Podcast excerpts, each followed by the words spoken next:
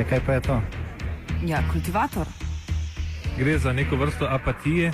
To lahko reče samo kreten, noben drug. Socialni invalid in ga je ne mogoče urejati. Drugi kandidat.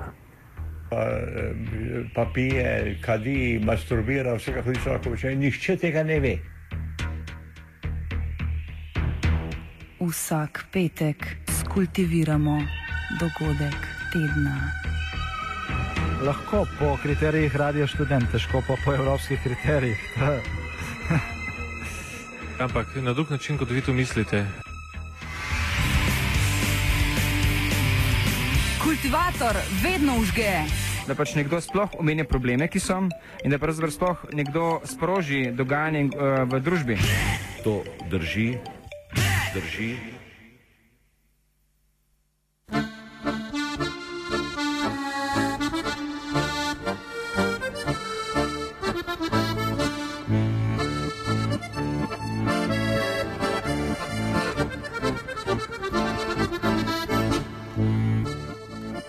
Nadaljevanje upora proti varčevanju.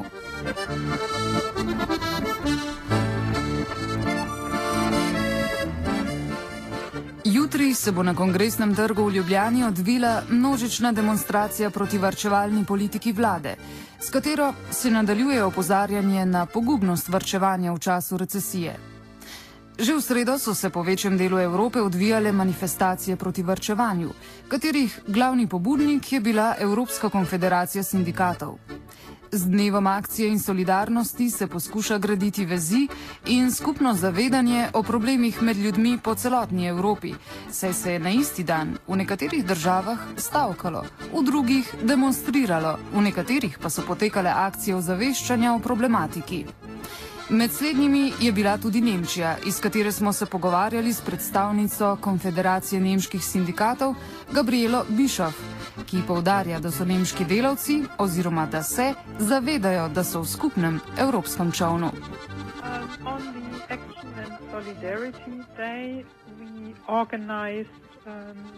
A lot of events in Berlin, in Stuttgart, in Wiesbaden, in Frankfurt, in many cities.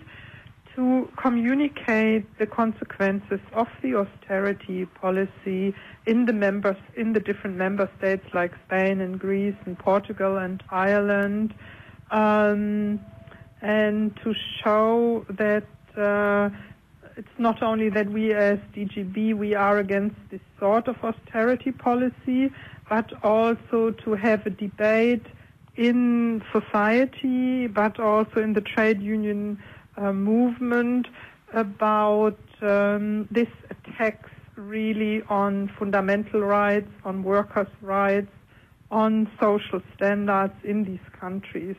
And at the same time, we really tried to um, start a debate on company level, and therefore we had a lot of solidarity declarations of European Works Councils but also of national works councils of many of the very big companies with their colleagues in Spain, Portugal, etc.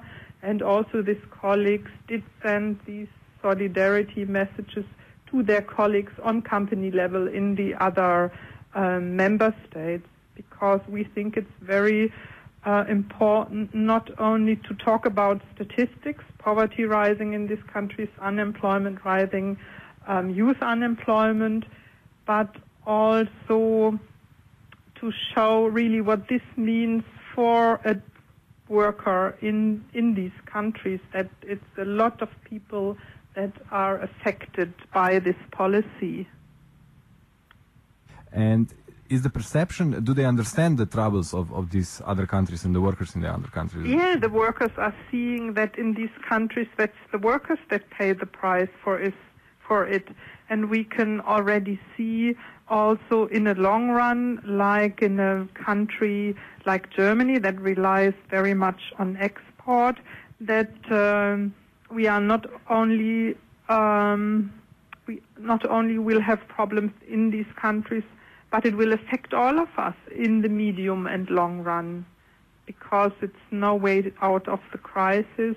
And if we have more and more austerity measures, and uh, certainly um, you can see it in Spain or in Greece. There's a limit. You can't go further with this policy. You will destroy the societies. Um, you will destroy social consensus, and you will destroy the European social model.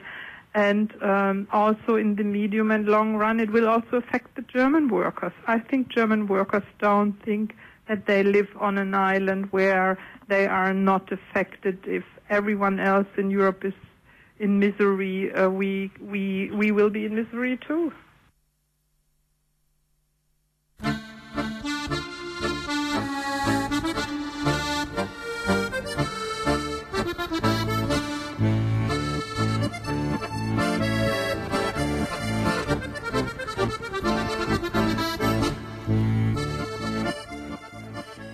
Jutrišnjo manifestacijo proti varčevanju podpira širok krog različnih organizacij, sindikatov, zvez, društev in posameznikov. Pričnimo z glavnim tajnikom sindikata vzgoje, izobraževanja, znanosti in kulture Slovenije, Branimirjem Štrukljem. Da mi smo v konfederaciji in tudi v Svizu, tako kot drugi, trdno prepričani, da ti vrčevalni ukrepi, uh, ki jih tako uh, uh, brutalno uveljavlja vlada, ne vodijo nikamor, še najmanj pa ne iz krize, celo nasprotno. Uh, ti ukrepi, ki so predvideni, kot je ponovno odpuščanje v javnem sektorju, sekanje in rezanje socialne države, pravzaprav vodijo v poglabljanje uh, recesije, kar je tudi že očiten signal v celotni Evropi. V zadnjem tednu, ko so bile velike demonstracije po evropskih mestih, se zdi, da uh, se je vzdušje, kar se tiče strogega vrčevanja, izrazito spremenilo. Res pa je, da v te zatohle podaljske doline uh, veter pride nekoliko kasneje. Ali bo potreben trši odpor?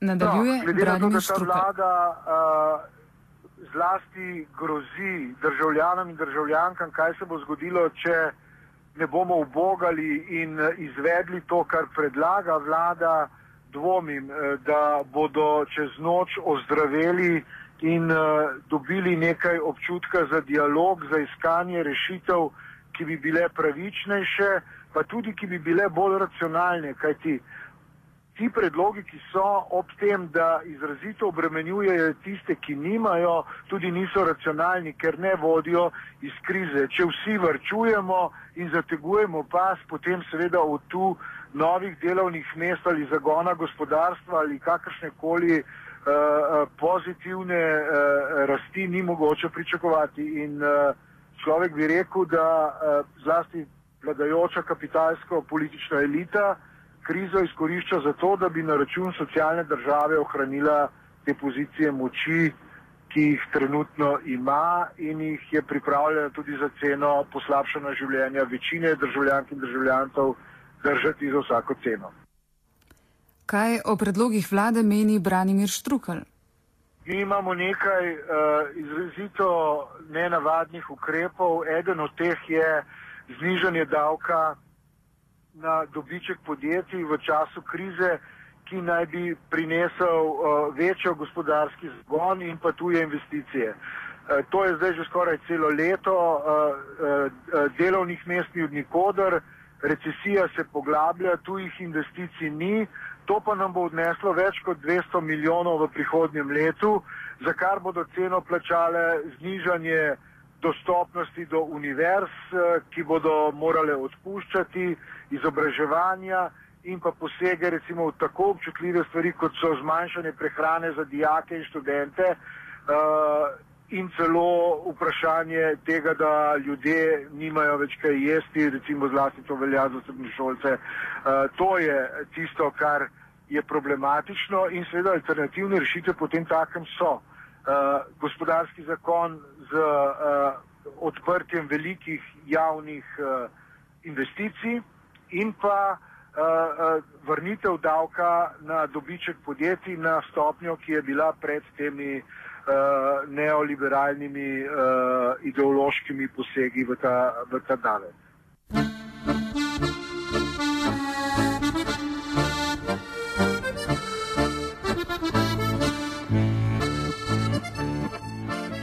Velik del vrčevanja se je osredotočilo ravno na izobraževalni sektor, zaradi česar se odpor gradi tudi na posameznih fakultetah. Pogovarjali smo se s predavateljem na fakulteti za družbene vede v Ljubljani, Andrejem Kurnikom.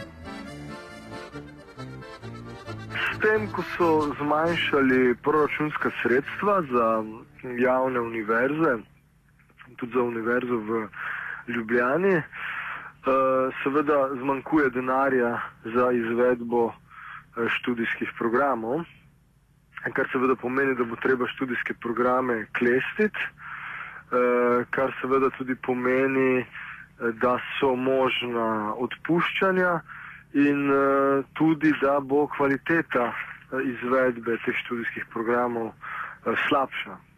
Seveda, vkolikor ne, se ne bomo uspešno zaprstavili temu, tem uničevalnim uh, ukrepom. Uh, tako da na tem nivoju posledice uničevalnih ukrepov čutijo tako študenti in študentke, kot so zaposleni na, na fakulteti. Seveda, poleg tega je prišlo z zakonom o ravnoteženju javnih financ in z rebalansom proračuna, do drastičnega znižanja plač v uh, tako imenovanem J razredu plačnem, to so pa strokovni delavci na univerzah, uh, ki so se znašli v uh, precejšnjih uh, škripcih. Uh, potem imamo tukaj tudi prepoved uh, zaposlovanja oziroma zameznitev zaposlovanja na univerzi, uh, ki seveda pomeni, da Eh, mladi kolegi in kolegice, ki so na pogodbah za določen čas, imajo težave s podaljševanjem uh, teh pogodb, uh, kar smo na nek način sicer, uh, mislim, da trenutno premestili, ampak seveda ta problem uh, obstaja. Se torej lahko pričakuje v prihodnosti, v primeru, no, da, da univerza ne bo imela zadostnih sredstev, se lahko pričakuje uvedba šolnin?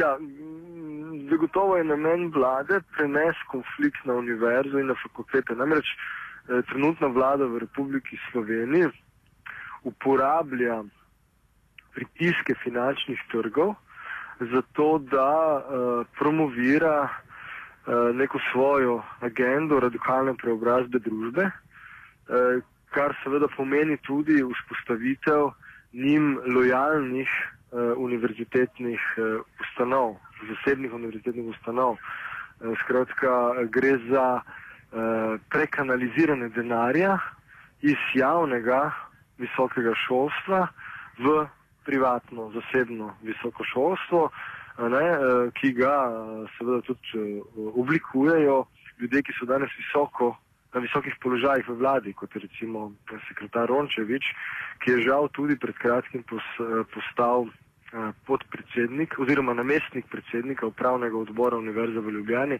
kar seveda kaže, da imamo tudi problem na univerzi, da je pač univerza servilna do te vlade in ne razume, da ta vlada skuša preprosto uh, oslabiti javno univerzo in uh, vzpostaviti sistem uh, privatnih univerz, uh, ki bodo seveda ji nekako ideološko pogodo in ki bodo servilne eh, lojalne eh, in vse seveda v eh, luči njihovega namena, da spostavijo neko lastno eh, strankarsko pravzaprav eh, infrastrukturo, eh, izobraževalno, eh, raziskovalno, medijsko, komunikacijsko in tako naprej. Ne?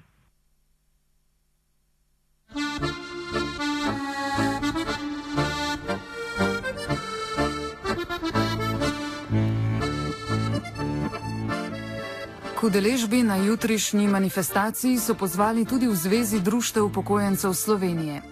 Pogovarjali smo se s predsednico ZDUS-a, Matejo Kožuh Novak. Upokojenci so že dolgo časa v stiski zaradi tega, najprej zaradi tega, ker ta nova politično-gospodarska elita skuša izničiti vse, kar smo mi ustvarjali v svojem eh, aktivnem delu življenja, ker se norčuje iz sistema, ki je bil eh, mnogo bolj pravičen, eh, ki je mnogo bolj spoštoval ljudi, ki je delal manj razlik in ki je, je gojil medsebojno eh, solidarnost. Nesrečni smo zaradi tega, ker je veliko naših otrok brezposlenih, ker imate študentje, zlasti tisti, ki so oddaleč in revni, zel, eh, zelo malo možnosti za študij. Smo mislili, da smo to v Sloveniji že presegli, pa očitno so nekateri tako pohlepni, da eh, eh, so pripravljeni žrtvovati katerega koli, samo da so njihovi žepi polni in prepolni. Vse nas seveda prizadevajo, predvsem s tem, da že desetletje znižujejo pokojnine, vrednost pokojnin. Že 70 odstotkov upokojencev je ogroženih z revščino, kar si ena podobna evropska država ne bi smela dovolj. Pa še ena reč je, ne, da smo stari starši bili vedno tiste prva pomoč našim otrokom in vnukom, ko so se znašli v stiski glas, zdaj v teh 90 letih, ko se vrsta ljudi kar naprej znajde na cesti. Zdaj so nas tako siromaši, da postajamo mi breme svojim otrokom in vnukom, kar je pa popolnoma nedopustno, ker smo upokojenci slovenski vplačevali v pokojni, v, na banko dejansko za pokojninski sklad. Smo vplačevali v poprečju 34 let in pol, moški 37 let in pol in ženske 33 let, ker ni malo časa in država nam je garantirala, da nam bo zagotovila dostojne pokojnine, seveda ta država požre vsako obljubo malim ljudem, ker je seveda zavezana in v kremplih kapitala, domačega in tujega. Koliko upokojencev se, se nahaja v bistvu pod pragom revščine? Če zastopam je poprečna pokojnina 550? Srednja pokojnina je 550 evrov.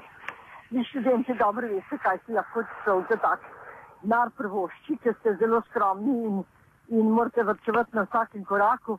Eh, srednja pokojnina pomeni, da jih ima 50% manj kot 550 evrov. Ne? Eh, 90% jih ima pa manj kot 900, ne? ker teh Eh, mislim, da 85% teh, ki imajo nad 1000 evrov, je, je manj kot 10%. Eh, eh, to so pa edini še, ki, ki eh, lahko dajo kaj na stran. Ne? In to je za starejše najhujše, ker vemo, da bomo eh, eh, zadnja leta pred smrtjo rabili več denarja, ker bomo rabili pomoč okolja in tega zdaj večina ljudi ne more več hraniti, ne more več vrčevati, ker vse denar porabi za preživetje. Obenem Mateja Kožuh Novak opozarja, da vlada ni ponudila alternativnih rešitev. Vrčuje denar na račun delavcev, na račun upokojencev, hkrati pa daje gospodarstvu olajšave za 250 milijonov. Zdaj, kdo bi lažje vrčeval? Ali, ali ta masa upokojencev z zelo slabimi pokojninami, polovico delavcev z zelo slabimi plačami ali ti eh, lastniki kapitala, ki si bašajo žepe z milijoni in milijardami.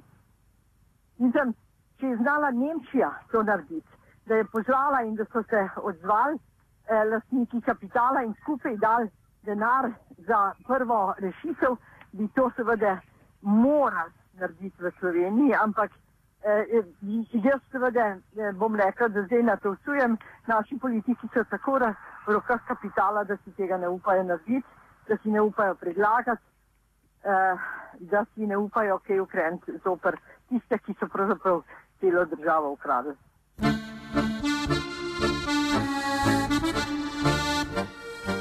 Spremembo mnenja upokojencev pa se poskuša udejaniti tudi z ustanavljanjem novih sindikatov. Zveza sindikatov upokojencev je bila ustanovljena 19. septembra letos. Ravno danes pa je podala izjavo, da vlada državo rešuje, ne uničuje. Kaj o njih meni Mateja Kožuh Novak iz Zveze društev upokojencev Slovenije? Vem, da so Janševi privrženci ustanovili štiri sindikate. E, to je seveda poizkus, politični poizkus e, razvitja Zveze društev upokojencev, ki ima v svojih vrstah 70 odstotkov starejših od 65 let. E, sicer ni nič hudega, ker vsi smo starejši. Slej, ko prej se bomo na, znašli na isti valovni dolžini in jaz sem prepričana, da bo počasi prevladal razum in se bomo ne glede na to, če smo, če smo različnih mnen, tam, kjer, kjer smo enakega mnenja, tam, kjer rabimo podprte en drugega, bomo pa skupaj stopili. Tako da ne vidim v, tej, v tem, da se v novi sindikati upokojencev ustanavljajo, ne vidim nič, eh, nič eh, slabega. Seveda pa to skušajo politiki narediti po zgledu Italije, ki ima vse upokojence razbite, ker ima vsaka stranka svoje upokojence. Ne. Eh, mi tega seveda ne bomo dovolili.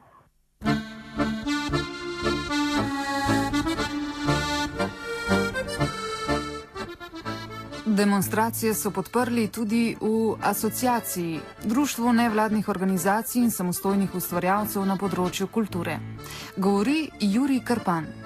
Asociacija pač uh, zastopa nevladne organizacije v kulturi in uh, samo zaposlene približno 70 nas je, vseh skupaj, nismo vsi, ampak je asociacija zelo močna v, v v zastopanju interesov in asociacija si zelo prizadeva, da bi vzpostavila nek strukturni dialog z nosilci oblasti, spravi z ministrstvom in z tistimi, ki imajo kaj za odločati, kar se, bom rekel, tistega dela civilne družbe tiče, ki se ukvarja z umetnostjo in, in s kulturo. Zdaj, seveda, asociaciji to enkrat uspeva boljše, enkrat slabše predvsem odvisno od sogovornikov in od njihove pripravljenosti, da nas vzamejo um, za res. Ne, ker ne samo, da imamo občutek, ampak naše izkušnje so take, da pač še zmeram uh, um, civilne družbe ne jemljajo resno. Sploh tudi ta strokovni del, uh, na katerega mi stalno opozarjamo, da mora biti bottom-up, da morajo prisluhniti umetnikom, ustvarjalcem, eh, organizatorjem, tistim, ki imajo neposredni stik z umetnostjo in z, tudi s samim njenim spreminjanjem, da jim prisluhnejo, da sledijo uh, uh, našim potrebam in da spremenijo določene, bom rekel, procese, ki so bili uh, um, vzpostavljeni glede na drugačne pogoje in okoliščine. Pač stvari se spreminjajo in tem spremembam je treba slediti. No in ker smo v teh naših, bom rekel, poskusih za vzpostavljanje dialoga uh, v zadnjem času um, zelo neuspešni, ne, um, smo se odločili, da se bomo začeli pač povezovati z večjimi in močnejšimi uh, partnerji, ki jim ta dialog z oblastmi rekel, bolj uspeva. Um, zaradi tega smo tudi pritegnili k temu protestu in uh, uh, hočemo dati uh, svoj glas zraven. Zdaj, seveda, um, asociacija je vseeno toliko majhna, da se bo verjetno zgubila v vsem tem, ampak jaz mislim, da nekako se je začel proces združevanja in da samo, če nas bo zelo veliko, bomo uspeli kaj premakniti. Upor je manifestacija nestrinjanja, kot tak se kaže na različne načine in v različnih oblikah. Juri Krpan. Pač ena oblika upora je s tem, da samo prispevaš svoje telo na demonstracijah, druga oblika upora je, da zartikuliraš pač svoje stališča v, nekem, v neki izjavi in vsaj še tretja oblika opore je s tem, da pač to neko rekel, intervencijo v javnem prostoru začiniš ne, na nek kreativen način. Zdaj v, v tem primeru pač um, smo nekako uh, posvojili akcijo um, um, ene nevladne organizacije um, Radio Cona, ki je um, ta vklop sirene že izvedla ne, in mi imamo to, ta, pač, ta alarmantni zvok uh, uporabili še enkrat uh, na teh demonstracijah. Ne. Skratka, m, en tak, bom rekel, uh, um, akcent smo dali že takrat na zimskih demonstracijah, uh, ko smo zažgali protestno kontrabas. Uh, um, in seveda, zdaj to obrne pogled v to smer, poudari nek, uh, nek krik, uh, um, hkrati pa je seveda ponudi neskončno množstvo za debate in za problematiziranje. Ne.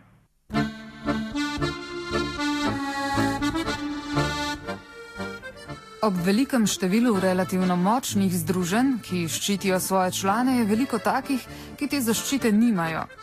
O prekernih delavcih in o odnosu delodajalcev do svojih najemnikov govori sindikalist Goran Lukič. Ja, v bistvu stvar je temu, da zdaj že kar nekaj časa se dogaja to, da so delodajalci ugotovili, da je za njih najbolj učinkovit konec stroškovni menedžment, kar pomeni, da se sploh ne obadajo z vlaganjem v znanje, ampak samo bodi se z outsourcanjem, bodi se z rezanjem stroškov, bodi se z nadomeščanjem vremena zaposlenih z ostalimi oblikami dela, ki so cenejše. Uh, in s tem, kaj se zgodi, s tem se zgodi nekako, da potem uh, na nivoju delovnega mesta se ustvari neka, nek sovražni antagonizem med delavci, nek umetni sovražni antagonizem med delavci, še ja, on pomen, kaj je delo na mestu in tako naprej, kar seveda spet voda na mlin samih delodajalcev. In bolj, ko bodo prekerne oblike v spredju, več kot jih bo, več bo teh uh, delodajalske strani, tukaj pozorno, delodajalske strani, sproženih teh umetnih konfliktov. Uh, in tukaj je ta proces zdaj že na zelo nevarni točki, ker v bistvu sploh ni več nek trend, ampak je že stalnica. Torej, ne moramo zdaj govoriti o nekem trendu zadnjih par let, ampak je to že neko, neko vrste stanje. In zakaj je to nevarno? Ker v bistvu ljudje, ko se navadijo na to situacijo, spremljajo kot nekaj normalnega in spremljajo to kot neko realnost, v kateri živijo in tako pač je. In evo, spet, spet pridemo do situacije, kako v taki situaciji potem nekako tudi opolnomoči delavca, da pove, gledaj, jaz nisem tukaj zato, da bom vsak mesec dobil novo pogodbo, pa da potem 15. Eh, mesecu cel prestrašen čakal na to, da delodajalec reče, ok, lahko še mesec delaš, ampak on seveda svoje pravice, ki, se, ki so mal daljšega trajanja kot en mesec. E, tako da to je ena zelo nevarna situacija, v kateri smo vsi zdaj in mislim, da se tega v tem trenutku preprosto nočejo, ne, ne, ne zavedajo, po mojem se zavedajo, ampak se nočejo zavedati. Ker zakaj? Ker uh, stvar je v tem, da tudi ko država govori o tem bla bla razvoju in preboju in tako naprej, tukaj se morajo zavedati, da morajo vložiti tudi svoj input, da to, to pomeni, da morajo vlagati v izobraževanje, izposobljanje zaposlenih in preprosto tega nočejo narediti. Ceneje jim je, da v bistvu izkoriščajo delavca, da pogledajo, kje oblika pogodbe je cenejša, hitrejša, bolj fleksibilna, kot pa da bi iskali dolgoročne cilje. Tukaj, nažalost, še damo nažbo po to zgodbo, vidimo, da ta ekonomski model kot takšen v Sloveniji je ne samo socialno, tudi ekonomsko popolnoma nevzdržen. Ker na, na koncu koncev, katero podjetje je na globalnem trgu uspešno? Tisto, ki vlaga v nove produkte in katero podjetje vlaga v nove produkte, tisto, ki vlaga v usposabljanje zaposlenih. In to je ta zgodba. In v skladju s tem lahko torej razumemo tudi nekako um, krajšanje oziroma manjšanje uh, nekih javnih pravic oziroma socialnih pravic tudi v tej v, v, trobi se s tem v isti rok, torej v razgradnja ja, šolstva. Ja, temu, ta isti rok je pa zdaj nadaljevanje te zgodbe. Glede, kaj se dogaja. Če država reče, da v imenu tega, da privabila tuje investicije, da bo znižala davek na dobiček, potem se točno zaveda, da bo s tem seveda tudi prihodkovna stanja proračuna nižja, torej da bo nekak prihodki proračun nižji in potem kaj na podlagi tega reče, ne reče tega, zdaj bomo pa mi uh, v času krize bomo pa vseeno pustili takšen davek na dobiček, ampak reče, a, a ne bomo vseeno znižali davek tudi v času krize, bomo pa potem porezali socialne transferje, na drugi strani, da se izravna potem ta uh, potem, uh, proračun. Mislim, to je meni malo prevezna, oziroma predvsej prevezna logika, ker potem v bistvu na koncu te logike uh, revnejši sloj prebivalstva plačuje subvencijo za, uh, za investitorje, ki naj bi, bili, ki naj bi prišli v Slovenijo, pa so v tem trenutku fiktivni, kot vidimo. Medtem ko pa realni učinki izneževanja socialnih pravic so pa tukaj in zdaj. In to je tisto nadaljevanje zgodbe, o kateri sem prej govoril. Nažalost se je te zgodbi združila tudi država, ko pač naivno misli, da s tem, ko bo za dva posta zmanjšala davek na dobiček, da bo pa zdaj investitorji trumoma silili eh, čez karavanke v Slovenijo.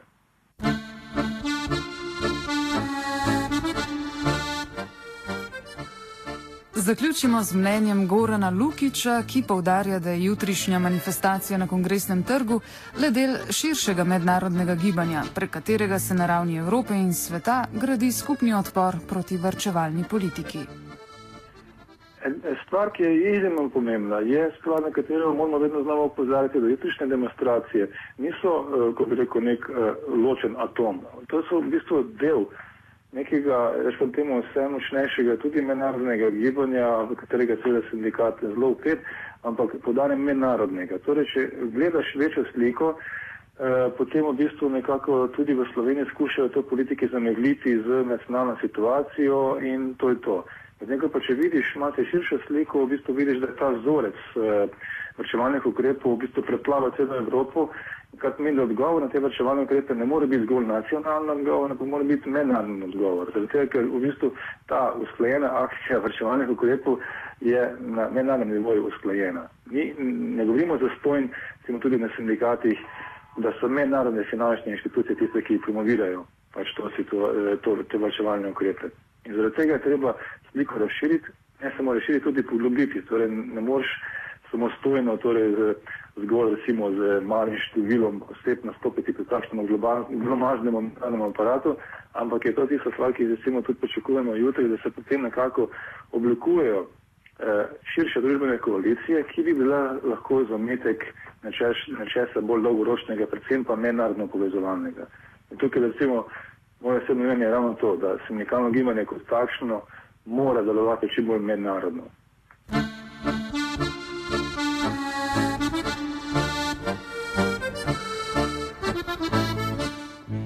Kultivator sta pripravila Marko Kraševec in Anžej Kožuh.